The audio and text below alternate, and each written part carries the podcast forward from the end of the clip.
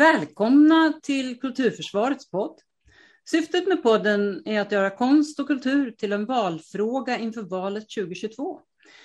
Jag som leder samtalet heter Ulla Bergsvedin, frilansande skådespelerska, kulturdebattör och grundare av Kulturförsvaret. Varmt välkommen till dagens gäst, Joakim Dahlberg, regissör, skådespelare, musiker och socionom. Välkommen! Ja, tack så mycket! Vem är Joakim Dahlberg och vad arbetar du med för närvarande? Ja, jag, jag bor i Stockholm och är gift och har två söner som är 24 och 26, eh, Vid och Love. Och just nu försöker jag umgås lite med dem extra mycket för, för de har bott, vid har bott i Köpenhamn och Love i Karlstad. Så då försöker jag hitta liksom, tider till det och den här pandemin har ju ställt till med saker och ting. Så att då har jag försökt umgås eh, en del med dem så här och det är härligt att ha dem i samma stad. Och sen så nuläget så håller jag på att regissera en eh, föreställning som ska ut på turné Eh, så som spelar i ett skapande skola-projekt.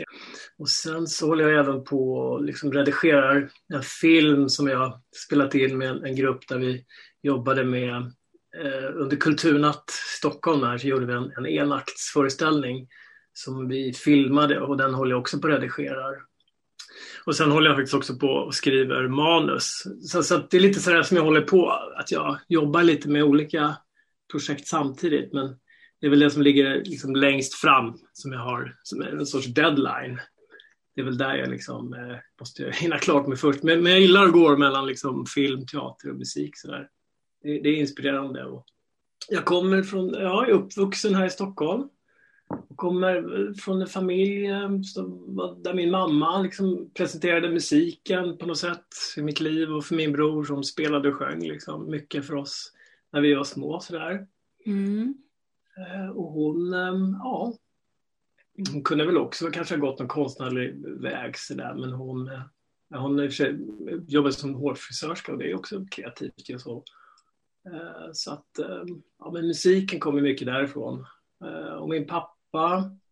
Han presenterade väl liksom det här föreningslivet med sport och, och liksom ställde upp och skjutsade oss när vi spelade hockey och fotboll och sådär. Så att det var mycket det. Han var själv aktiv i sportföreningar och sådär. Så att uh, han, uh, han ställde upp mycket och skjutsade oss som sagt. Eh, och han jobbade, med, han jobbade som hantverkare till en början med och jobbade med hydraulik i en egen, i en liten egen firma och sen så fortsatte han som ehm, i ett kommunalt bostadsbolag här i Stockholm och jobbade som inspektör och höll på med underhåll och sådär. Så att, ja, men någonstans däremellan då så var liksom uppväxten mellan sport och liksom sång och musik hemifrån och så. Och sen så gick jag på ja, kommunala musikskolan då som fanns. Och då kunde man, var man tvungen att liksom genomlida att man var tvungen att spela flöjt tror jag, ett ja. år. Var det blockflöjt? Blockflöjt, ja precis.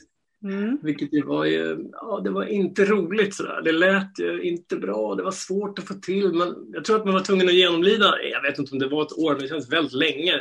Sen kunde man få välja ett instrument och då valde jag gitarr. Jag tror att jag hade kanske velat spela trummor men på något sätt så, ja men mamma hade ju liksom mandolin och fiol och jag var gitarr hemma så det var liksom då naturligt att det blev gitarr liksom. Då. Men sen så var det även så att min farfar var lite, han och jag hade väldigt fin kontakt. Han tog hand om mig mycket sen när min mamma jobbade, pappa jobbade så på fritiden så, där, så vi hade mm. bra kontakt när jag växte upp och han liksom, jag var mycket med honom och han läste sagor och vi gjorde liksom täljde ihop och gjorde saker och ting och han, han, tyck, han tyckte att det ändå var sådär, han tyckte att han såg på folk som spelade musik och gitarr var någonting som han tyckte, så men det är så smidigt, man plockar bara upp det och så spelar man. Och, ah han, han liksom såg den här lyckan hos de som höll på med det. Så, där så då ville väl han också att jag skulle få ha den där känslan av lycka och, med musik och så. Han, han hade bra kontakt med mamma och farfar. De tyckte om mycket om varandra. Så, där. så att, uh, han såg att musiken fanns i familjen men han ville liksom supporta supporta med gitarren. Och, ja, det är verkligen så, så, så, som det är med musik i mitt liv, att det är liksom en lycka att ha den sådär. Så det, det, det var ju fantastiskt. Så, att, så då när jag började spela gitarr så gick man på kommunala musikskolan och där kom ju de till skolan. Så det var väl ganska smidigt upplägg så. Ja.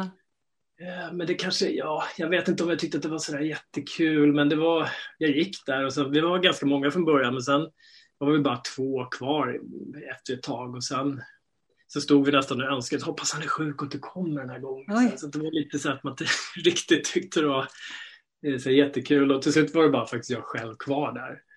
Och då så tyckte min mamma så men vad bra att du hänger ändå kvar fast du själv.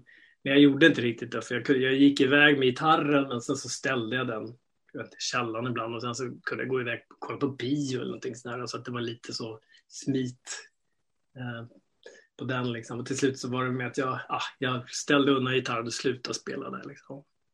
Men samtidigt så gick jag också på vår teater där som också fanns eh, där, där liksom i, i, runt skolan och så. Och där, det var ju spännande. Jag hade tidigare liksom hållit på med teater i skolan i lite olika så här, pjäser på roliga timmen och så. Och tyckte ja, men det var liksom spännande att stå för, så här, framför en publik och, och liksom, det fanns någon magi i det där. Liksom. Och på vår teater hade de en sån blackbox och sådär. Det var spännande i det att man kunde att föräldrarna kom och tittade och bekanta och så, så skulle man liksom framföra någonting. Så det där kände jag, det var något, fanns något liksom som var, var spännande i det. Så att, eh, ja, så jag, var, höll på där på vår teater och så. Ungefär samtidigt så var det en, en kompis till min bror som eh, spelade, hon gick på Adolf Fredriks eh, musikskola då, så här, och hon, hon var även engagerad på Folkan. Och det, var, det var en teater på i Stockholm, Östermalmstorg, som tyvärr är riven nu. Då, som har liksom gamla adeln från 1800-talet. Och där så, de hette väl Folkteatern ja, ehm, från början. Men där på 80-talet så hade de börjat spela musikaler och eh, Annie spelade om, Pinocchio och Karlsson på taket. Så, här, så hon var engagerad i och, och liksom var med där. Hon dansade på Lasse Kühler och han var koreograf där. Så, så att, men då här 80, 81, 82 någonstans så sökte de folk då till Pippi Långstrump på Folken och då, då, då, tänkte de på mig så att jag fick komma på någon sorts audition och prova och provspela där. Då. Och sen så kom jag med eh, till Folkan där. Och det var ju otroligt omvälvande liksom, att liksom komma in på en så jättestor scen när man var liksom 11-12 eh, och inte ha någon erfarenhet av det. Um, liksom stora publiker och, och liksom få applåder. Och, och, ja, det var verkligen så här, vad är det här? Så kan jag väl också känna att jag var lite udda där, för de flesta som var där, de kom ju faktiskt där från eh, Adolf Fredriks kanske musikklasser och var lite mer förberedda, för de kanske kunde läsa noter och sådär. Jag hade ju bara liksom min, från min, hemifrån, min mamma hade lärt mig, vi hade sjungit ihop och lite i skolan och sådär. Noter kunde jag inte, så, men på gehör kunde jag ju ta det och sådär. Så kände men, du var, men du var ändå van att agera då, eftersom du hade gått på vår teater också? Ja, men det kan man väl säga. Absolut. Ja. Det fanns en, en grund där liksom. Var en liksom förståelse för vad är det här? Det här var bara mycket, mycket större, men det var samma liksom, grund, grund i det. Liksom. Ja. Men, men, och en sak var väl också det där att man var tvungen att, man hade ju med, med, med regissör och, och, och, koreograf som var på ganska mycket och det skulle vara precis, precis sådär. Så det var ingen lek som fanns på vår teater där man lekte fram liksom, där leken fanns inte utan det var ju mer liksom det här ska göras och så här gör vi och så. Så att eh, det var ju, eh, ja, men det var ju otroligt spännande och kul eh, på så sätt. Men alltså, så då var jag, jag var där fram till gymnasiet faktiskt, fem, fem sex år under, med olika musikaler. Det var Sound of Music, Snövit, Pippi Långstrump där och eh, sen var det ja, Mi och Min Mi, så det var mycket de här Astrid Lindgren-pjäserna som också sattes upp där. Eh, så att, ja, det var ju, var ju otroligt dynamiskt, men det var ju mycket tid sådär. Var ju, vi spelade Pippi eh, på, på helgerna och sen kunde vi repa Sound of Music liksom, på veckodagarna. Ah. Så att, det var otroligt mycket tid som, som man investerade där. Och, och eh, men det var ju det var ju så att eh, det kunde, och sen i slutet så kunde man spela innan Pippi Långstrump slutade och Sound of Music ensam skulle gå så då, hade, då kunde man ju liksom en helg köra liksom sex föreställningar då, för tre föreställningar på på lördagen och tre på söndagen. Oj. Tidigt och sen så två kvällsföreställningar sen, eller senare eftermiddag eh, och kvällsföreställning med Sound of Music. Så att, oh, det var, herregud! Det var, vilket barnar, barnarbete. Men det var inte ens dubbla var, lag alltså? Jo, det var det. Men, men på något sätt kunde det slumpa sig så här ibland. Så att de hade ju koll på det där liksom, att det inte skulle vara barnarbete. Så vi var, i, i Sound Music var vi nog tre grupper. På Pippi Långstrump så var det två grupper. Så, här, så att det skulle, men, men jag minns att det var, det var otroligt mycket tid. Så där. Och ibland, eh, som i Pippi var det inte så frekvent att vara med mycket sådär. Det var lite, ganska lång väntetid och så. Och allt blir ändå mycket längre när man är liten så här, på något sätt. Men på Sound of Music så var det så här fantastiskt snabba eh, klädbyten och vi hade så jättemycket olika kläder att liksom byta om. Allt från de här liksom uniforms, sjömanskostymerna och liksom, mm. jag tror det var åtta till tio klädbyten som var jättesnabbt sådär. Så att det fanns ju också en stress liksom. Och det där finns ju nästan kvar kan ju fortfarande drömma om det där att man springer in på scen och liksom, vänta nu, fel kläder, ah. fel kläder. man är vuxen och man springer in på scen, vänta ska jag vara i familjen Trapp här? Så att, ja. Det har satt sina spår liksom. Ah. Men eh, ja, som sagt så var det en fantastisk tid att liksom få träffa liksom skådespelare som man hade sett på, sett på tv, som Sune Mangs, Per Nyberg, och man träffade, fick träffa Astrid Lindgren och ja, Ulla Sallert och ja, det var ju många Eh, Eh, sådär, som, som passerar. Stig Olin, Beppe Wolgers och sen så hela Folkan var liksom som en sorts kändismagnet. Liksom. Det satt lite folk, kändisar i, i foajén och sådär och rörde sig folk som kanske inte var med men de var ändå där och på något sätt och kanske var bekanta med andra och så. Så det var ju en, en otroligt sådär wow-tid liksom. Men det var också att jag kände att att det var liksom ett tåg som gick ganska snabbt och jag bestämde inte, jag fick inte bestämma utan man var liksom mycket tid och sen så ja men det var en inspicient där som liksom var på en ganska mycket, man var tvungen att liksom vara i tid och det var, ja, det var mycket det här vuxen eh, som, som kom in ganska tidigt i mitt liv och ibland så kunde det gå eh, liksom rykten om att liksom Lasse Kühler då, som var koreograf satt i, i publiken och tittade liksom och då då fick man skärpa sig ytterligare. För man vet ju, man, man kunde bli utskälld ett par gånger om man bara liksom kom in så här, ah, men nu har du inte gjort det du ska. Liksom, du.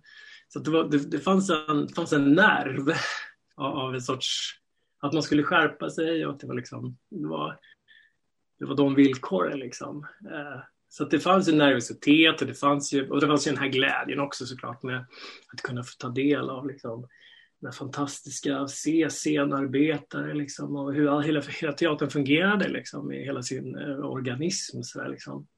så det var ju häftigt. Men sen ja, efter de där åren då så, så tog det slut där och, och då liksom, plockade jag väl liksom, fram gitarren och började spela lite musik och, och, och sådär. sen skulle jag söka till gymnasiet och sådär och då tänkte jag söka Södra Latin men för en estetlinje sådär, men då var det liksom när, närprincip som gällde och kanske betyg också. Så då hamnade jag ute i Farsta gymnasium sådär och mm, ja, men det var väl bra. Och, eh, och där träffade jag folk som jag började spela med i band och sådär. Och det här var ju lite postpunktid liksom så att eh, eh, det var ju liksom Ebba Grön hade blivit Rymdimperiet och Docent Död hade blivit Docenterna. Det här är Stockholmsband sådär, som, mm. som figurerade. Och Även andra band hade ju gått vidare till som, som eh, Tant Strul hade blivit Kajsa Grytt, eh, nej, eh, Kajsa Malena och The Clash som var liksom husbandet för mig. De hade ju liksom, ja, det var bara Joe Strummer kvar liksom. Och så, så att, men det var ändå, det fanns lite, eh, fanns lite punk kvar och det där plockade jag upp. Liksom. Jag gillar den här attityden att liksom kanske, ja men hellre än bra liksom på något sätt. Och att ha det där uttrycket. Så att Ja, men så då bildade jag lite band där den där tiden och vi hittade ju ställen man kunde spela på. Det fanns ju Ultrahuset i Handen som var liksom en ockuperad villa som man hade liksom tagit i bruk för att de skulle, ja, de skulle riva den och ha parkeringsplats där. Men då, då ockuperade de den så där fick man liksom spela, stod man och spelade i vardagsrummet där. Och, och då var det liksom Eken som liksom också var så här klassiskt känd. Han liksom bakade bullar och bjöd på dem så där, och så fick man kanske lite pengar på dörren och så. Och Eken startade ju Café 44 också på Kärvsgatan där vid Kapsylen, konstnärskollektivet. Liksom. Um, ja, så fanns det andra spelställen som man kunde spela på. Eh, Tre backar på Rådmansgatan och, och sen var det andra ställen som Mosebacke som var liksom större och man tänkte här är det bra ljud och spännande, det var på ett annat sätt liksom. Och även universitetet var ju en, en väldigt stor scen sådär. Och där behövde man inte fixa så mycket själv utan där, där var det liksom folk som tog betalt och, och man fick betalt och det var folk som kunde mixa musik eller eh, köra musiken och sådär. Så det var lite på olika nivåer men, men, men det var det var spännande och vi körde liksom vår grej. Så försökte vi väl få skivkontrakt så här som alla andra band på den tiden och så. Men nej, det ville sig inte riktigt väl där. Och samtidigt så spelade jag också lite teater. Eh, och eh, tänkte väl, ah, jag sökte till och med in på scenskolan och så och tänkte mig att ja, men det här är ju någonting som jag men så kom jag inte vidare, jag kom till kanske andra provet och sådär och så kände jag liksom att äh, men ska folk få bestämma om jag kommer in eller inte? Det är ju en väldig effort för att liksom söka scenskolan och mycket förberedelser och så, så besvikelse då. Så jag kände så här, nej men ja, jag, jag hade ju det här folkanlivet så jag visste ju någonstans, någonstans kanske hur, hur liksom det såg ut, så där, hur man jobbade, fast ur ett sorts barns perspektiv då, såklart. Så jag var lite ambivalent liksom, runt liksom, hela tanken så där, om att eh, att det är där jag vill hålla på. Men samtidigt fanns det där suget. Men, och då sökte jag till folkhögskola där de hade en dramapedagogutbildning sådär. Och då så kom jag i kontakt med Forumteater och så. Och det var ju liksom en spännande kombo för där, där var det ju både att stå på scen och agera men också en interaktion med publiken så där, som var otroligt spännande. Mm. Så efter den här dramapedagogutbildningen så så var jag med i en grupp, eh, en frigrupp som jobbade just med, med olika, eh, olika organisationer som myndigheter, på skolor, där vi gjorde forumspel och så. Och det var otroligt spännande och roligt i liksom så. I den, den typen av upp, uppstartsdagar och sånt? Var det ja, i sådana sammanhang du Precis. var med? Mm. Och även liksom polisen och i skolan utifrån olika likabehandlingsplaner eller Eh, ja, eh, mycket i vård också sådär, vård och omsorg. Mm. Och, så, så att, eh, men när jag höll på med det ett tag så, så, så kände jag liksom också att, att jag, jag, ville ha lite mera verktyg, som mera som, som samhällsperspektiv. Hur, hur, ser det ut med teorier i samhället och, och psykologi och, och, sociologi och så. Så då så sökte jag mig och kom in på socionomutbildningen där. Och där kunde jag också få mera verktyg. Så, så jag fortsatte väl jobba med, jag fortsatte jobba med, med Forumteatergruppen där. Men kände också att jag tappade kanske lite den här konstnärliga delen. Som jag, för det var mycket fokus på att hitta hur man löser svårigheter i, i olika grupper och sådär. Men, men jag saknar den här eh, konstnärliga delen. Och då var jag, det var då jag kunde liksom, jag fick in en fot på Unga Klara där som jag tänkte, ja men de har ju verkligen en kombo av både det konstnärliga och det här mötet med publiken. Eh, så det var ju en otroligt spännande tid. Vi ska återkomma lite grann till det. Eh, men först så ska jag ställa en av mina eh, så att säga, obligatoriska frågor. Och det är den här, varför anser du att det är viktigt att föra in konst och kultur i debatten inför valet 2022? Mm. Ja, nej men eh, jag tycker väl liksom det, det, jag tycker väl egentligen alltid att det liksom ska föras en, en kulturdebatt. Eh, men såklart att den, den ska liksom in nu, men, men jag, och det, det är väl liksom, man kan ju liksom lyfta upp eh, vad ska man ha konsten till liksom? Eh, vilka tillhör konsten och vilka, vilka och vilka tar del av den? Eh, och att inte bara hamna på kultursidorna som någon sorts eh, där man recenserar kultur. Så. Och skolan och barnens rätt att, att ta del av konst för att kunna liksom bli medborgare som själva utövar och liksom konsumerar, eller vad man ska kalla det, konsten. Och det är också, jag, jag har tänkt lite på det här med, med liksom ordet konstkultur. Jag tänker så här, om man skulle se, uh, och, ja, det här är någonting som, om man skulle se mm, samhällskroppen som människan så tänker jag att kroppen skulle sitta i magen i det intuitiva och såklart också har ju koppling till, till hjärnan där man liksom praktiskt måste ju så eh, gå tillväga och liksom sätta göra konsten. Men, men att det, det, är, det finns en, eh, jag tycker det är en spännande tanke om man skulle se. Och då är det ju viktigt liksom också, vad är det då i vårt samhälle där man liksom diskuterar mest? Jo men det är väl kanske det här uppe i hjärnan, liksom, det här, om hjärnan står för ekonomi och det rationella och sådär. Så, mm. så det blir en liten, jag tycker att det blir en liten snedfördelning av hur man liksom ser samhällskroppen.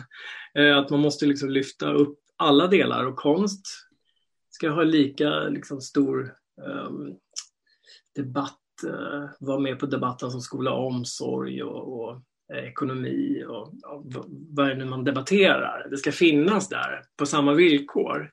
Men det är, det är som att den har blivit lite marginaliserad och det kanske beror också på att det, alltså, konstbegreppet eller kulturbegreppet är så stort och vitt och brett så, så man, det är svårt att nästan ta på vad det är. För konst är ju liksom livet på något sätt också. Mm.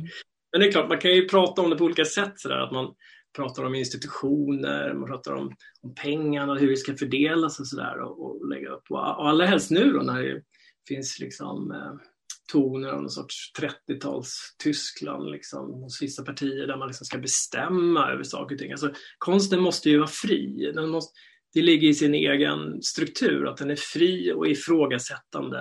Eh, och att, eh, att samhället måste liksom lägga medel, lika mycket medel som man lägger på någonting annat, på konsten. Eh, för att, jag tänker att det är liksom smörjmedel i kuggarna. Har man inte tillräckligt med smörjmedel som är konsten, då, då liksom rostar det i mm. hela systemet. Liksom. Det är en bra bild. Du, jag tänkte på när du beskrev eh, dina olika band och också tanken och, och, att det fanns olika ställen att spela på och så. Då tänkte jag att det lät som om det lät som om ni hela tiden såg möjligheterna.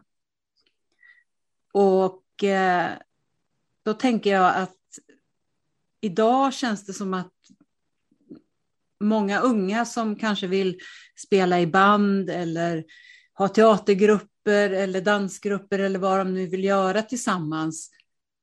Där finns det väldigt mycket hinder och då handlar det just om det här. Det finns inte tillgängliga lokaler, det finns inte någonstans att vända sig för att få den här stöttningen som du beskriver att ni hade. Utan det tar stopp, det kostar pengar, man måste söka pengar och det är en massa sådana saker. Så att just det där du säger att samhället behöver gå in med, för att kreativiteten, den tror jag finns lika mycket idag hos eh, unga människor. Men det finns alldeles för många, för många steg för att, eh, för, för att de ska få utlopp för den, känns det som. Ja, och jag, jag, tänker att liksom, det har stängts en del dörrar för att det har blivit eh, på något sätt, om man tar en sån enkel sak, man pratar om som, eh, liksom att, att ja, men det är jättemycket bostadsrätter i, i, i stan. Eh, men vad ska vi mm. ha stan till? Ska det vara folk som bor? Ja, men det är klart det ska vara folk som bor. Men man, bor man i stan, då finns det också ett, ett kulturliv som finns där. Ja. Och, det och det vet jag att liksom, ja, men då har man stängt teatrar, man har stängt eh, eh musikställen för att de här eh, de här bostadsrättsföreningarna har liksom kommit fram till att nej, men det är för mycket oväsen och det är för mycket eh, det ena med det andra. Ja, visst kan det vara, men vilken stad ska vi ha? Liksom, så här, och hur väljer man att bo i stan? Visst, och så. Så, så att det blir en sorts... Eh, ja, det blir lite... De dörrarna stängs, de där källarlokalerna som liksom var lite övergivna och där man kunde ha lite musik att köra i. De, de stängs för att det är liksom alla, alla eh, om det är bostadsrättsföreningar så har man ju koll på sina lokaler och sådär. Eh, och teatrar som, som ligger i bostadshus och sådär. Så att, eh, det är som att ja, det biter sig själv i svansen. Liksom. Det är klart folk kanske vill äga sina bostäder men jag vet att de faktiskt i Paris har någon sorts lag om att nej, men det, man kan inte göra så utan det ska vara ett kulturliv som finns. Eh, det finns någon sorts inskriven lag där som där inte hyresgästerna liksom kan på något sätt bestämma hur det ska se ut och så. så att, eh, tänker att där, det är många ställen som försvinner på grund av det. Liksom, och gentrifieringen, liksom, att, att det liksom blir ja. dyrare och dyrare på sådana ställen. Och det ska liksom, folk vill ju bara umgås. Det handlar inte så mycket om att tjäna pengar. Man vill umgås och vara på ställen och spela musik eller skapa vad det nu är för kreativitet. Där liksom. Men att det här uppstyrda etablissemanget tar över och det blir på ett annat sätt den här under radarn-konsten som ju inspirerar de flesta. Det måste finnas den där gro, liksom, grunden där. Men det tar man ju liksom bort när man tar bort de här lokalerna. Det här liksom. Så att, ehm, ja. Jag tänker på alla skolor som står tomma på kvällarna och helgerna. Om man satsade på att det skulle finnas eh, tillgängliga vuxna som bara så att säga, fanns som stöttning och att det fanns eh, möjlighet att utöva saker i de här lokalerna. Jag tror man skulle vinna otroligt mycket mer än vad det kostar. Absolut, men det alltså inte kostar så mycket pengar utan Nej. det är folk, folk är villiga att ställa upp och, och vara delaktiga i saker och ting. Jag, jag, är helt säker på det faktiskt. Ja. Du, du, du nämnde ju det att du spelar teater för barn i en egen grupp och det har ju fungerat även under pandemin. Berätta hur ni har lyckats med det. Ja, vi har en föreställning som jag har skrivit och regisserat och gjort musiken av och som heter Harry hälsar på. Så vi är ute på förskolor och spelar med den. Och då kommer vi med en sorts mobil föreställning med tält och sådär där vi kan ställa upp eh, ute i deras på platserna där, på deras utegårdar. Så. Eh, så det är spännande och det är liksom sång och musik och, och det är en sorts, vi har en fabel med där om haren och sköldpaddan som är liksom ska tävla och de är olika men ändå lika. Så vi pratar om sånt och vi har liksom känslomusik så att, som vi väver in som, som barnen får liksom uppleva vad är det för känsla här och så får de berätta om olika känslor. Om, om så så det är liksom en interaktiv föreställning eh, också. Så att vi går lite både in och ut i olika roller och så. Och det har varit fantastiska samtal med, med de här barnen, eh, diskussioner som uppstår. Och just för att eh, ni har varit utomhus så har det gått att genomföra? Ja, precis. De har ju Ja, det gick, det var, ja precis.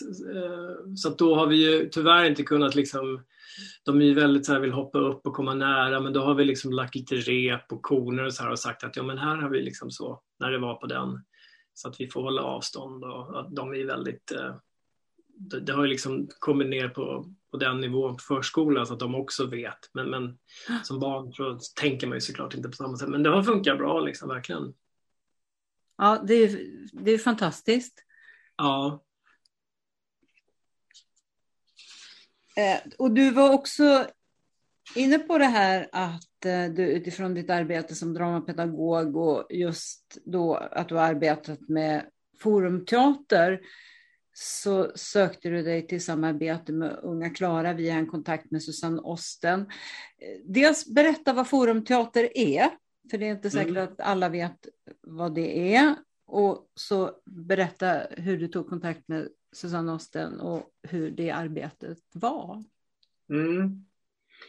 Forum Teater är, det kom från en person som heter August Boal eh, från början och det var en föreställning som han spelade um, och då så var det en, en, kvinna på scenen som blev väldigt otroligt utsatt av någon man där. Och i det här eh, då var det plötsligt en kvinna i publiken som sa stopp. Vänta nu, så här får det inte gå till. Så här, så här får det inte gå till. Och där utifrån den händelsen så liksom utvecklade han den här forumteateridén. Liksom. Eh, och eh, det, det, går, det, går, det går till så att man, man ofta så, så söker man upp grupper då och så får man ett specifikt uh, case som att det här, är, det här är svårt i den här gruppen och det här, det här talar vi om och så. Och då gör vi en scen som slutar när det är absolut som värst. Liksom så. Och då så, så, tar man in publiken som får komma med förslag och, och, och sen så har man lite förövningar för vi vill ju att de agerar på scenen också, inte bara pratar utan man testar. Liksom så. Och då är det ju, man kan aldrig plocka bort den här som utsätter utan man kan bara liksom försöka ändra situationen runt den uppstådda svårigheten. Och då man, kan man använda scenen och spelet som lite start-stopp, backa och sen så pratar man om det. Vad händer nu? Hur upplevdes nu? Så att man liksom använder det som på olika sätt. Då. Men, men kan, du, kan du beskriva eh, ett exempel? Mm. Uh, vi hade ett spel med, med folk som då... Man kan ju... Det är ju vård, vård och omsorg sådär som eh, där vi hade, när man jobbar hemma hos någon, då kan man ju, den som man jobbar hos kan ju känna sig utsatt, men man kan ju också känna sig utsatt från den som man jobbar eh, med, brukaren sådär. Men vi hade väl bägge perspektiv, men det var väl så att vi hade perspektivet att det var brukaren då. Det kom hem en från, i, från vården och blev utsatt hela tiden av den här mm, personen som, som personen hjälpte då med olika, olika saker, att vara tvungen att göra, det var liksom, blev som en omöjlig situation till slut. Så, så, att det blev liksom bara för mycket stress och det var, ja, så. Mm. Hade också spel om sexuella trakasserier på jobbet. Hur långt kan man gå när någon liksom, den som utsätter någon säger att den ska massera och sen så går den vidare och sen så liksom, vad är okej? Okay? Vad säger, säger, man stopp? Och, och då gjorde vi det här spelet så att det blev ju som ett övergrepp för att det skulle vara som värst och, och då, där stoppar man liksom. Så då, då, sen så backar man i den här äh, händelsen. Vad är det som har hänt? Hur kan det här skett? Och vem, på vilket sätt kan man liksom göra det på ett annat sätt? Än att tillåta att det skulle vara ett, en utsatt eller till och med ett övergrepp på jobbet. Så där. Då Men då är det ni som skådespelare som gör de här sakerna och sen så får de sätta stopp och diskutera och så får ni göra det, göra det på ett sätt som, där man kan, hur man ska hantera det. Är det så Just ni gör? Mm. Ja, precis. Så, så, man kan använda sig av, och då får man hoppa in och prova själv och sådär och känna hur det känns. Och, och då blir det ju ett, ett spel utan repliker utan det blir en improvisation. Och ofta, sådär, vi, ofta så sa vi inte att vi kommer och gör rollspel och teater för då blir ju folk, då får de ju någon sorts, ah, sådär, för att det kan, folk mm. har ju tankar om det där. Utan på något sätt så börjar man med värderingsövningar, alltså mer och mer liksom på något sätt. Så att det blev en naturlig ingång. Det fanns inga sådana här, nej men nu är det teater, nej men så här, vänta nu, jag provar det här, jag testar det här. Mm. Det blev ju fantastiska eh, situationer som, som, och diskussioner som, som uppstod där och då. Liksom. Och de var så otroligt nöjda. Ofta, ja, det var liksom en så otroligt bra metod liksom, att mm. hitta och få tag på saker. Man kan ju verbalisera och prata om saker men här, här agerar man ju och känner och är i kroppen och i situationen. Och vi kan ju alla tänka oss i olika roller. Vi kan ju fort gå in i roller. Även om man inte är skådespelare så ja. är det vi gör hela dagarna. Liksom. Så, så, folk, man har ju väldigt nära till det där. Så det var inget problem att få dem att spela sådär. Så det var det är spännande. Så, så men precis, och då, men jag höll ju på då med Forumteater och vi spelade i olika sammanhang och så. Men, men jag kände väl att just den här konstnärliga delen av att eh, hålla på med teater tappades lite grann. och Jag var lite sugen på det igen. Och det var då, eh, Unga Klara har ju liksom funnits, de finns här i Stockholm och Susanne Osten har liksom en, liksom en eh, frontalfigur i, i barn och ungdomsteater och sådär och föreläst också när jag pluggade teatervetenskap på universitetet. Så att hon har liksom funnits med så här, eh, med, sin, med sin metod och, och, då, ja, men då kom jag i kontakt med dem och, och liksom fick ta del av två föreställningar där som drampedagog och även som tredje öga kallar man det för. Man är liksom en sorts regiöga utifrån och så. Och det som var fascinerande det är att de har en så otroligt klar och tydlig konstnärlig vision om hur de vill jobba. Eh, och att de backar inte för de här svåra ämnena som, som, som, som ju finns i samhället som med barn och unga, unga, unga liksom upplever som ja, men, skilsmässa, självmord, självskadebeteende, droger, alkoholmissbruk. Ja, men, ja, de tar upp det där på ett sätt eh, som är otroligt spännande och bra. Och så det deras arbetsmetod är mycket det att de har långa repetitionstider och liksom research. De har föreläsningar om folk som kommer dit om liksom tematiken och berättar. Så att det, liksom, det bottnar, eh, tänker jag, på ett sätt. Eh, och så har de med hela ensemblen. Alla är med liksom, och de vet vad temat är. Det, liksom, det genomsyrar liksom hela ensemblen.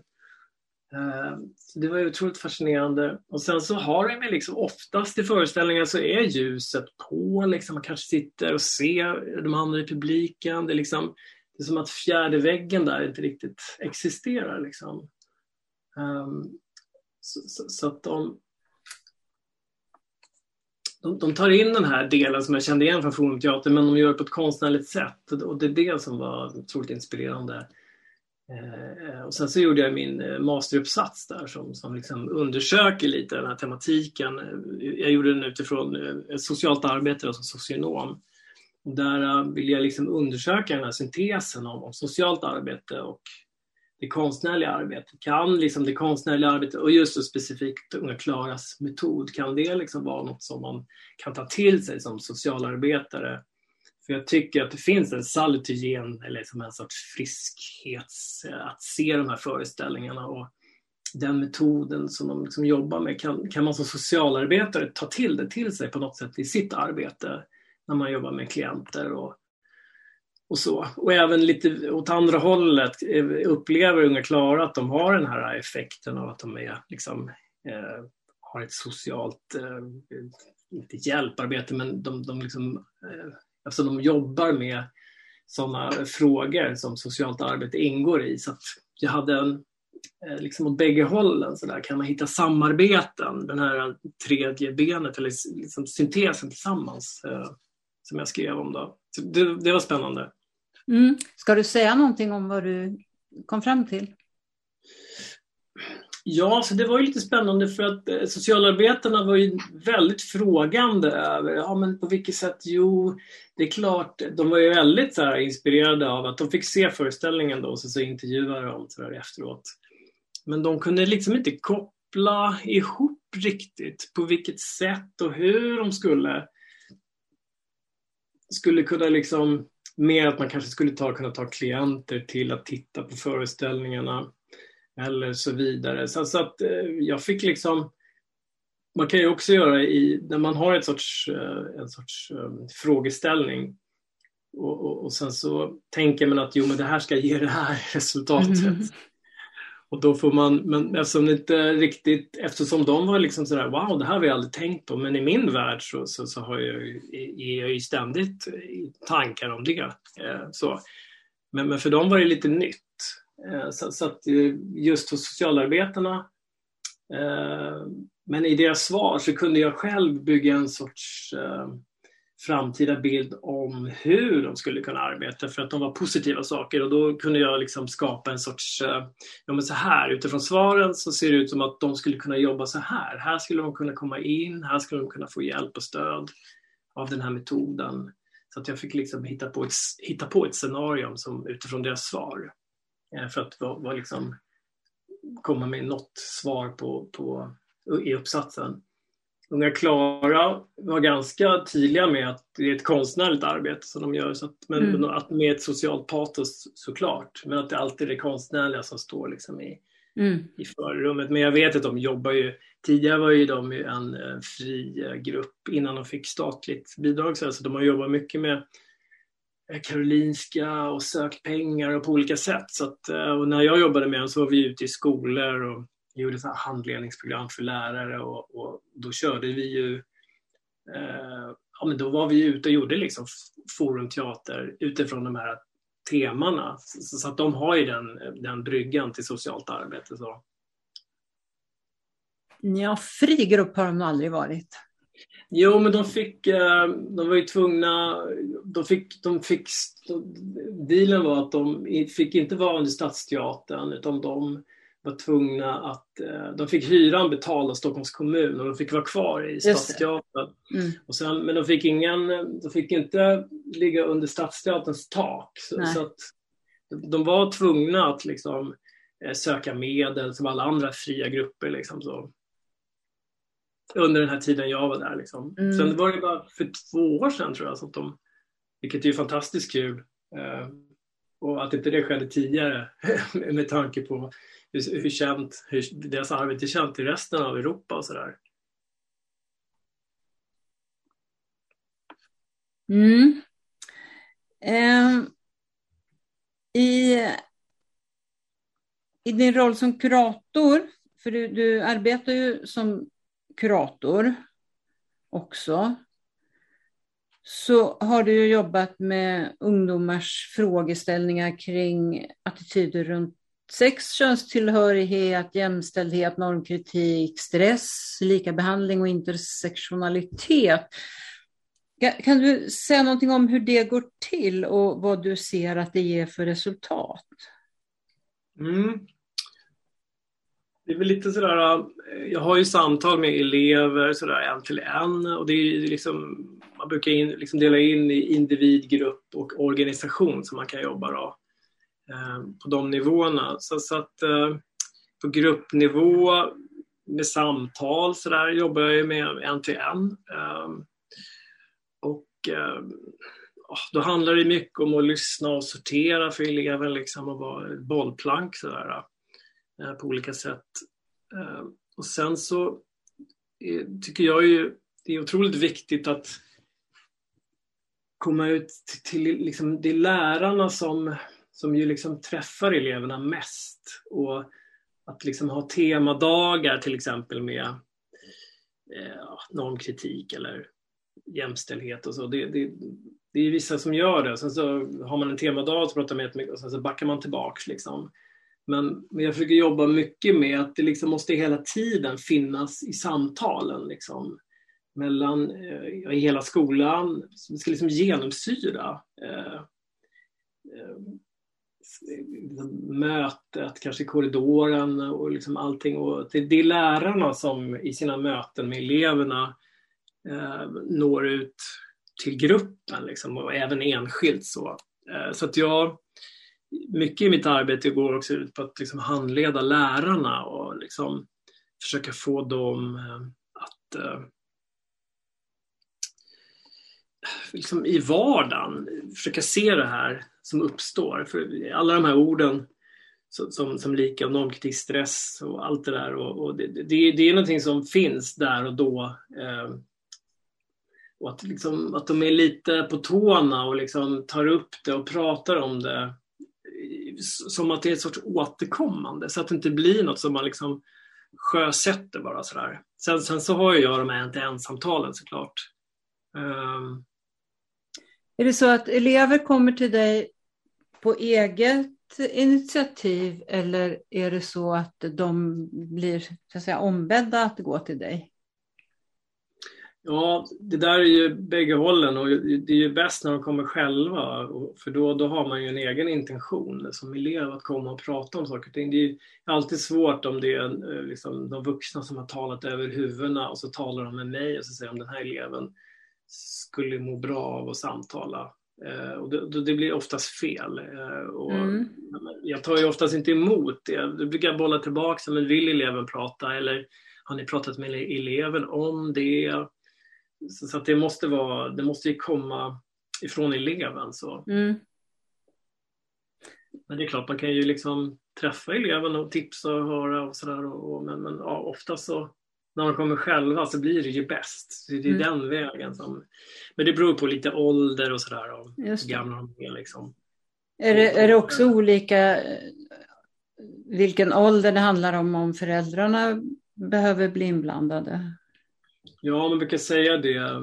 Socialtjänstlagen säger liksom att är, man är 12 år, då, då kan man liksom gå på sin egen, då har man liksom rätt att gå på sin egen, eh, ska säga, tanke om att söka upp kuratorn. Man är yngre där, då, då måste jag liksom kontakta föräldrarna. Nej, men nu har vi mm. samtal och så, beroende mm. på hur, hur, situationen ser ut.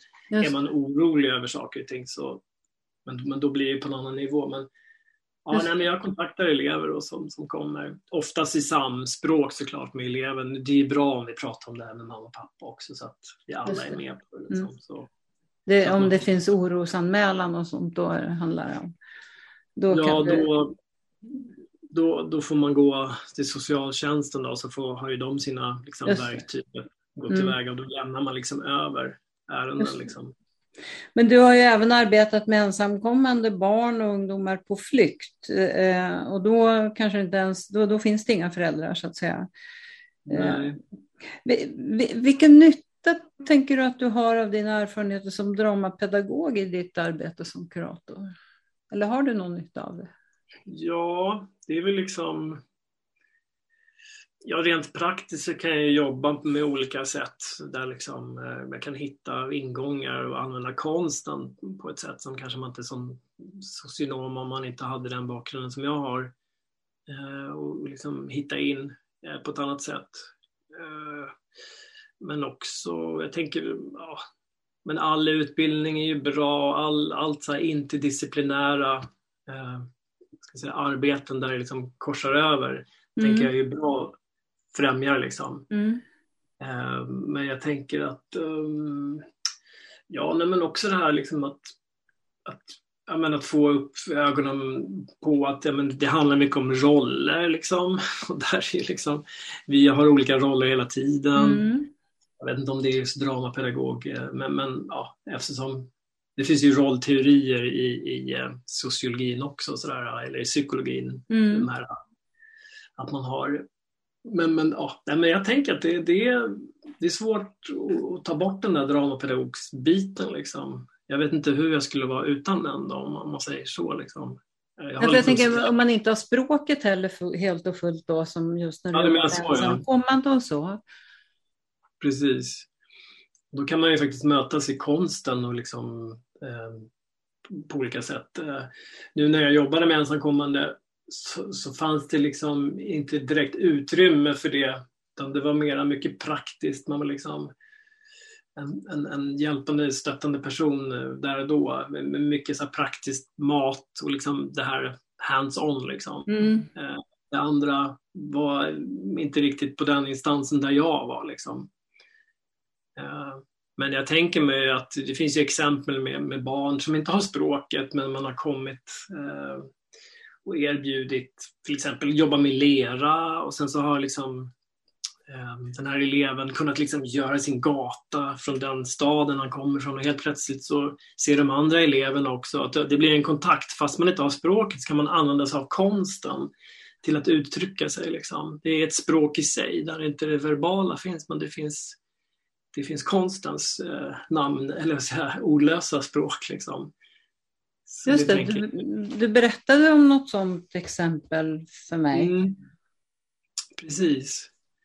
Det, det, var ju en pojke som, som ja, han kom liksom inte in i klassen riktigt. Det var, gick fyran, femman och sådär. Och de andra försökte väl, men han drog sig undan och det var väl saker så. Sen så, så kom vi att spela eh, en föreställning och sen då efteråt så skulle de skriva och rita och göra så här lite reflektioner men han skrev ju inte så, han ritade ju så. Men, men så jobbade vi med, med lera och där började han liksom helt plötsligt komma igång och man såg att han, han började modellera och sådär. Och helt plötsligt så kunde han liksom beskriva sin gav. Alla förstod liksom vad han hade gjort. Och det gav, man såg att det gav honom väldigt mycket och lärarna berättade också så att det här hade gett en, en, stor ingång till att jobba med konst för honom. Liksom. Eh, så det, där tänker jag att man kan hitta ingångar inte alltid språk, det verbala språket som, som, som behövs. Liksom. Nej, och då, finns det, då måste det också finnas alla de olika möjligheterna för de olika barnen. Precis, och den kunskapen också. Ja som, som, lärare då, ja, men som lärare ska man ju kunna kunna väldigt mycket och man ska vara väldigt bra. Det är inte bara det här att undervisa och så. så det, de, det är väldigt, eh, att, att läraryrket har blivit en, en, en, fantastisk roll om man har liksom alla de här eh, på sin lyra liksom. Eh, men det har blivit nästan lite, inte över, men, men att det är, ja, Ja, det är, det, det är ett tungt uppdrag kan man ju säga. Ser du att det finns tillräckligt mycket förebyggande arbete med tanke på den här debatten som förs nu kring rekrytering till kriminalitet eller vad gäller barns och ungas mer och mer utbredda psykiska ohälsa? Och just det som du är inne på här nu om, om personal i skolvärlden har både tillräcklig utbildning och tillräckligt stöd för att klara av det uppdrag som politiker talar om då när det gäller förebyggande arbete inom skolan. Ja, men precis. Jag, jag tänker många lärare som gör så otroligt bra insats.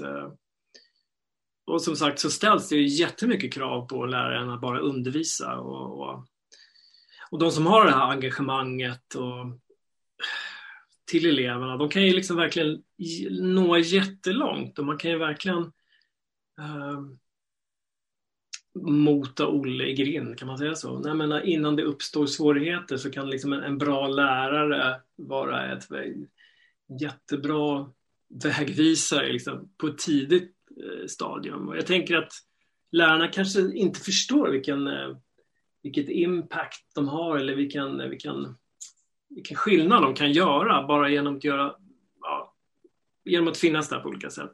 Och jag tänker också att samhället skulle premiera liksom lärarna mera, ge dem mer stöttning, ge dem mer av ett lön samma som vård och sådär. Att det skulle behövas mera eh, så stöttning, tänker jag, och uppskattning. Och jag tänker också att man, man, eh, man kan titta på saker som också funkar bra ju, eh, när man pratar om det här. Det är klart man vill ju inte att eh, det ska vara upp, uppstå liksom, de här svårigheterna. Helst skulle man vilja ha en sorts nollgräns med med vad som händer unga, med rekryteringar till gäng och de här, ja, mycket vapen som är i omlopp och sådär och, och, hur man, man, man, kommer till reda på det med, med det. Men jag tänker att eh, tittar man på det som också funkar bra liksom.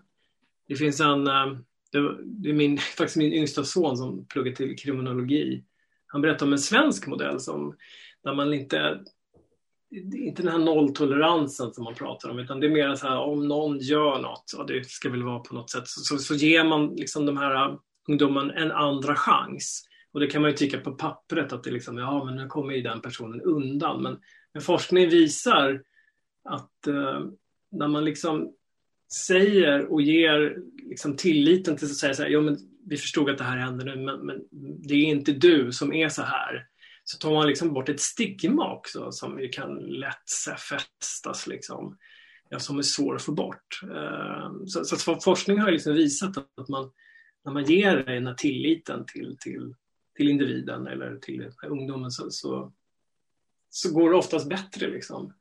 Eh, det är klart att det kan finnas poliser och så, men, men eh, så finns det ett annat exempel också i Kanada där de, de har haft otroligt svåra olika stadsdelar men då har man liksom sett att när man engagerar folk och människor i stadsdelen och tar hand om sin utemiljö, tar hand om på olika sätt, eh, fräscha till och, liksom se till att det inte är klotter eller vad det nu kan vara och liksom syns ute och, och, finns på plats där, då, då, då är det som att de här eh, faktorerna och svårigheter liksom försvinner. Så där. Så att, men det, det, är ett långsiktigt arbete eh, som ska ja. göras.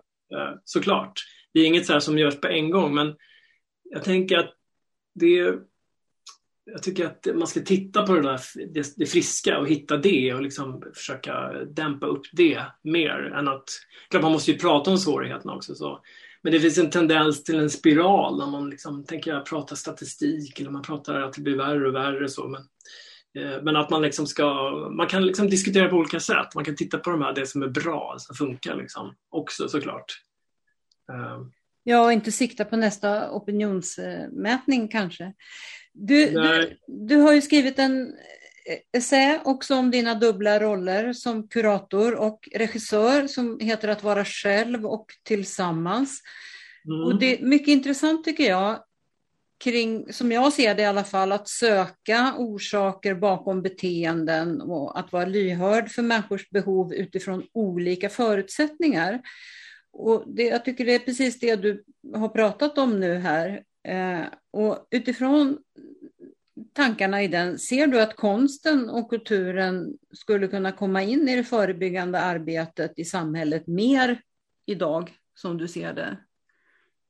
Jo, det tänker jag verkligen. Eh, att det liksom... Eh, Ja, jag tänker lite som att konsten är liksom människans första födslorätt på något sätt. Det, det, det, det är någonting som finns inom oss och som liksom också måste få förlösas på olika sätt. Eh, och jag tänker att, äh, att det förebyggande arbetet är också en del av att man äh, tidigt säger att ja, men konst är någonting som, eh, som, som man alla ska ha, kan ha tillgång till. Eh, och att, jag tänker också att att man liksom tidigt säger så här, man ritar och så bedömer man eller man målar, det där var bra eller inte bra. Eller, men, men det handlar inte om det utan det handlar om att man, jag tänker att man måste pusha upp det där att det handlar om att det här gör vi tillsammans. Mm musik eller vad som helst. Och det är, det är det som är själva målet. Det är inte att visa upp det för andra eller sådär. Det kan ju vara någonting, men det är själva att göra någonting ihop. Och liksom, som man mår bra av. Och det tänker jag att det, det skulle jag vilja liksom lämna till, till en sorts, uh, att det är ett förebyggande arbete uh, och hitta in att, att, att musik är inte noter eller musik är inte, utan det är liksom en glädje, en kreativitet som vi har som människor liksom. Och som mm. alla måste få liksom, hitta in till i sitt inre. Liksom. Um. Verkligen. Du, du, du har ju också arbetar som samordnare i Stockholms läns landsting och handlat män som blivit pappor i en ung ålder och haft diskussionsgrupper med pappagrupper då i samarbete med mödravårdscentralen. Och jag tycker det här är så intressant för att ofta så pratar man ju om unga kvinnor som blir mammor. Uh, unga kvinnor som blir mammor i brist på liksom att känna sig behövda eller så vidare. Men samtidigt så är det ju väldigt ofta de här killarna som blir rekryterade säger man i alla fall ofta har frånvarande pappor och så där. Så det här tycker jag låter otroligt intressant. Kan du berätta vad du har för erfarenheter från det arbetet? Mm. Det, det, var liksom, det började med att man såg att skilsmässostatistiken, inte bara så unga föräldrar utan liksom många föräldrar var liksom ganska hög inom ett år. Sådär. Att mm. Man skilde sig eller separerade efter ett år. Då vill man liksom eh, förebygga det här på något sätt. Eh, just för att barnen ska ha liksom rätt och tillgång till bägge sina föräldrar, som, precis som du är inne på. Liksom.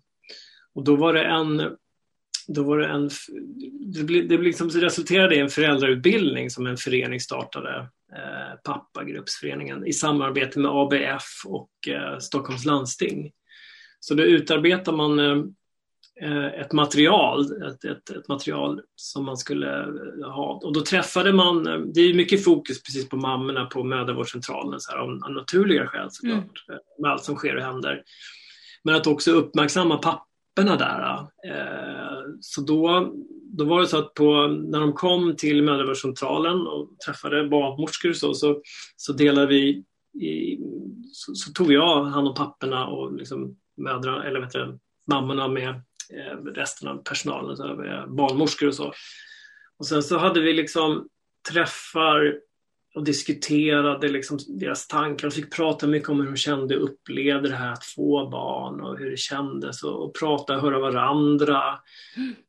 Um, jag hade lite frågeställningar om saker och ting och lite värderingsövningar och sådär. Och, och, Eh, Eh, och eftersom jag också är pappa och hade barn då så, så, så, kunde jag också relatera det på ett bra sätt. För jag kände väl också att jag hade varit liksom lite ensam när, när så. Men jag hade ju inget annat att tänka. Men hade man ju kompisar som, som man kunde prata med. Men att, att få, få liksom vara del i en grupp där och prata om saker och ting eh, var ju otroligt spännande. Och sen så gjorde man uppföljande träffar eh, och träffades fyra, fem gånger efter att barnen hade kommit.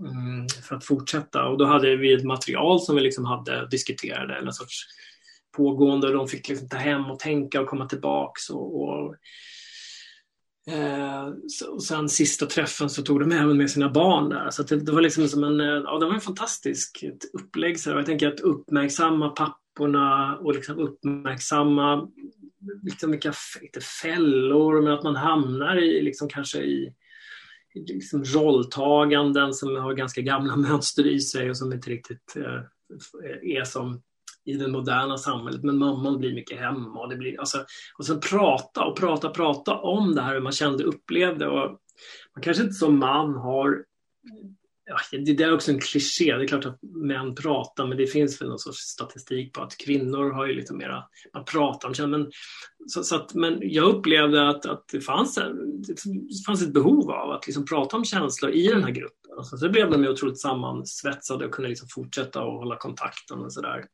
Så, så det, det var ju fantastiskt spännande att vara med om det.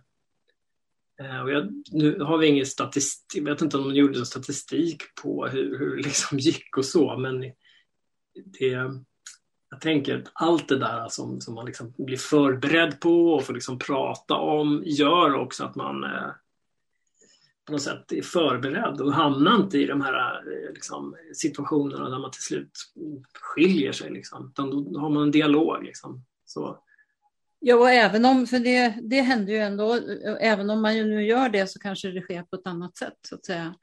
Ja. Men vet du om det här fortsätter?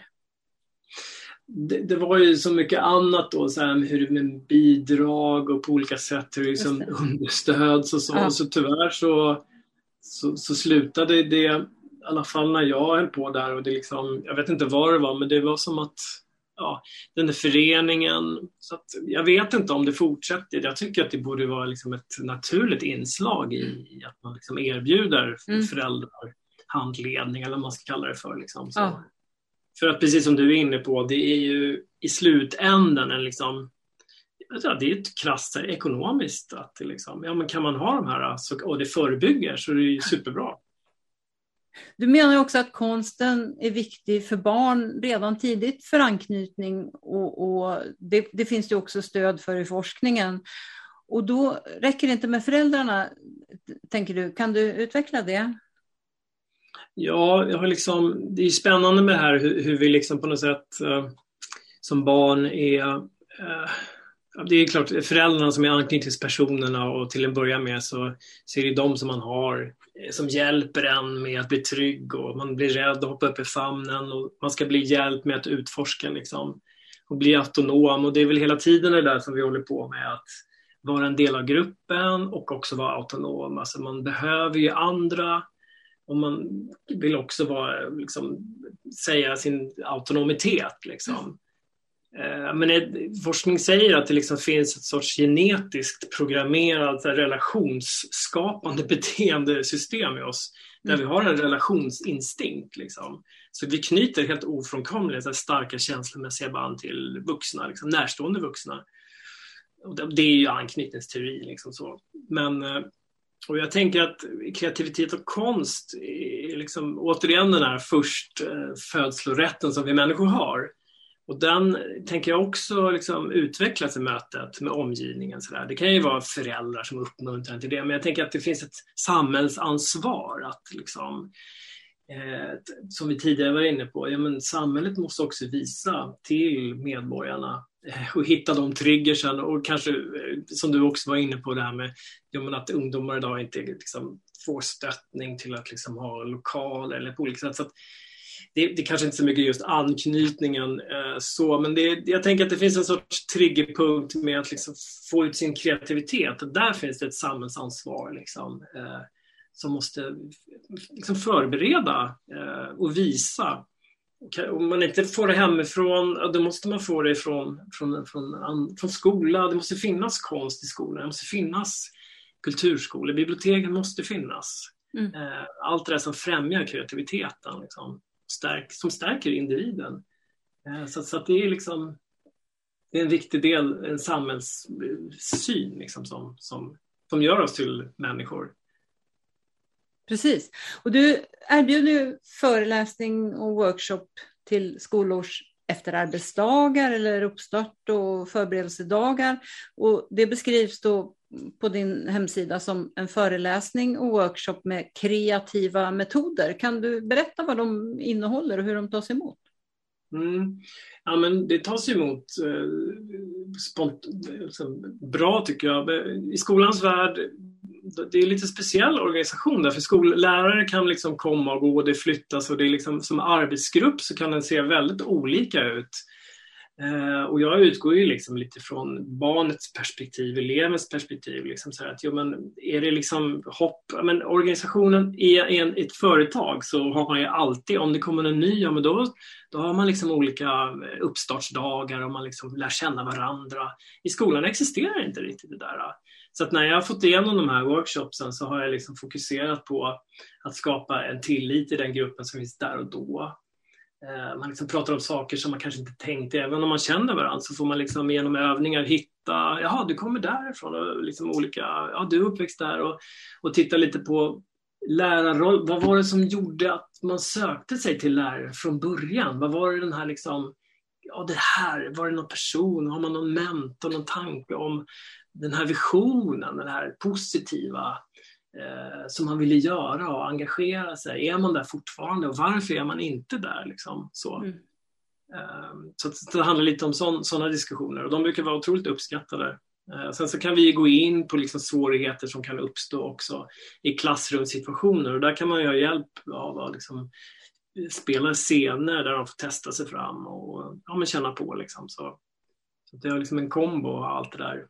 Är det lite verktyg också att själva använda sen i undervisningen? Ja, det tänker jag. Eh, precis. Och de, jag vet inte hur det är, man ska, lärarhögskolan, om de liksom, det borde, de borde ha någon sådär, liksom. Men ofta så verkar det som de inte har det för att jag när jag föreslår det så vet de inte riktigt vad det är. Men, men nu när jag, i de här workshopsen så kan de ju liksom ta den metoden till klassrummet mm. också. Eh, ska bara också fråga innan jag kommer till min eh, avslutande fråga här så eh, vet jag ju att du eh, också nu arbetar med ett slags multikonstprojekt om civilkurage. Mm. Vad va, va ska det bli? Ja, precis. Det här är liksom det var, det var som en rest utifrån en föreställning som jag skrev som hette Use your weapon som som bygger lite vagt på Raoul Wallenberg. Så jag gjorde research om honom innan jag skrev den här pjäsen och, och regisserade och så. Och då, då kom jag upp mycket av det här med civilkurage och civil olydnadsbegreppen sådär men jag tog inte riktigt med det i pjäsen utan den handlade om en mera, vad ska jag säga, en inre resa eh, som den här personen gör på ett annat sätt. Eh, och då så låg de kvar och skvalpade lite de här, den här tematiken om civil olydnad och så. Och då blev jag liksom sugen att slänga mig över det så att då har jag liksom försökt, det är lite under, under arbete sådär men, men att tanken är att presentera den på högstadiet och för gymnasieelever för att liksom öppna upp för, även om de läser historia om Gandhi eller de läser historia om andra personer som har liksom så, så tänker jag, vad, vad är civil olydnad idag? Vad, liksom, de här begreppen liksom, eh, vi har ju fått rösträtten. Eh, liksom, I historien så har det ju funnits det, eh, civilkuraget som en sorts eh, styrmedel till att liksom, hitta förändring. Och jag tycker att det är viktigt att liksom, hitta vad det är idag. Så då är, var min tanke att intervjua personer som eh, på något sätt eh, upplever civilkurage eller kanske till och med har liksom omnämnts att de jobbar i, i med civilkurage. Eh, så. För att liksom få fram det och då också tänker jag att jag filmar det och sen så även har en del i föreställningen som också är gestaltande eh, föreställning så det liksom är både film, intervjuer också, även och interaktion med eleverna. För hur, på vilket sätt tänker de civilkurage är idag? Så att, eh, mm, det är väl där... Men det är människor idag aktiva? Ja, precis. Mm. Och det här kommer vi att få se när då? Ja, eh, det är ju en tidsfråga där och det är liksom pandemi och det, ja, det är mycket så. Men jag hoppas att eh, ja, inom en ganska snar framtid att kunna sjösätta det. Liksom så. Och du, du har ju bland annat då fått medfinansiering via Byggnads kulturstipendium. Ja, precis. Det var jätteroligt. Så då, precis, söker stipendium sådär och de, ja, men de, vill, de vill att stötta idén liksom. Så det, det var ju jätteroligt. Eh, verkligen. Får vi gratulera till. Ja, tack. Och sen så har jag då en avslutande fråga också. Och det är på vilket sätt och av vilka anser du att konst och kulturpolitiken bör debatteras inför valet 2022 så att det som står i alla de här vackert formulerade kulturplanerna blir tydligt? Att konst och kultur är viktigt för såväl samhälle som medborgare.